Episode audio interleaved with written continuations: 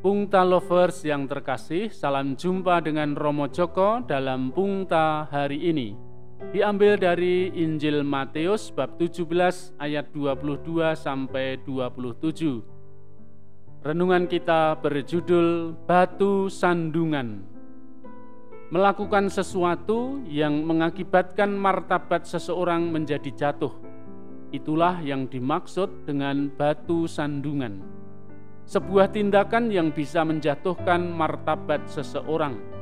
Tindakan itu akan menjadi presiden buruk bagi dunia sekitarnya, apalagi kalau yang melakukan adalah seorang public figure. Nama baik harus dijaga betul agar tidak menodai martabat pribadi. Misalnya, seorang imam semestinya menunjukkan tutur kata yang menyejukkan, menenteramkan, membawa damai, ngayomi, dan ngemong. Namun ada imam yang lebih suka marah-marah, berteriak-teriak seperti penjual obat di pinggir jalan, bentak-bentak di mimbar, sok kuasa, sok pinter. Tindakan seperti ini akan menjadi batu sandungan. Seorang imam, apalagi imam agung, yang seharusnya jadi panutan, harus mengajak kepada kebaikan dan kesucian, menyatukan umat, hidup rukun dan saling menghormati. Namun, yang terjadi kadang malah memecah belah, menebar permusuhan, menghancurkan, dan membuat miris orang lain yang ada di sekitarnya.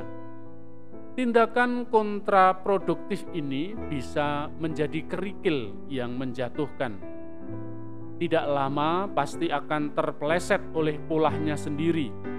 Kerikil-kerikil kecil seperti chattingan melo-melo sedap bisa membuat dunia runtuh seketika.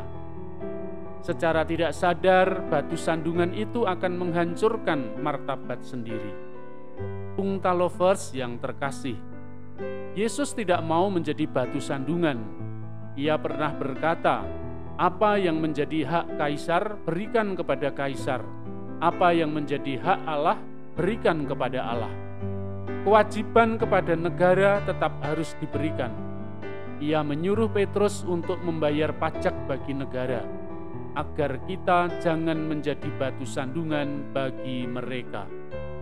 Apa yang pernah dikatakannya juga dilakukannya agar tidak menimbulkan batu sandungan Inilah tindakan teladan seorang pemimpin. Martabat pribadi kita dinilai dari tutur kata dan tindakan kita sehari-hari. Sesuainya kata dan tindakan itulah yang menjadi integritas pribadi kita.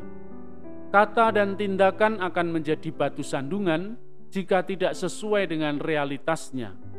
Jangan sampai kita tersandung oleh batu atau kerikil yang kita lempar sendiri. Pungta lovers, apakah kita sudah menjaga martabat pribadi kita? Apakah tutur kata dan tindakan kita menjadi batu sandungan bagi sesama di sekitar kita?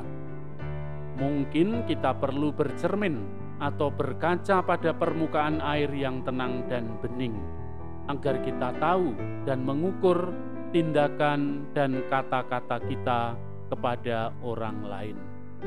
Pagi-pagi menikmati bunga bermekaran sambil berjemur di matahari siang. Mari kita singkirkan batu sandungan, tutur kata yang tidak sesuai harus kita buang.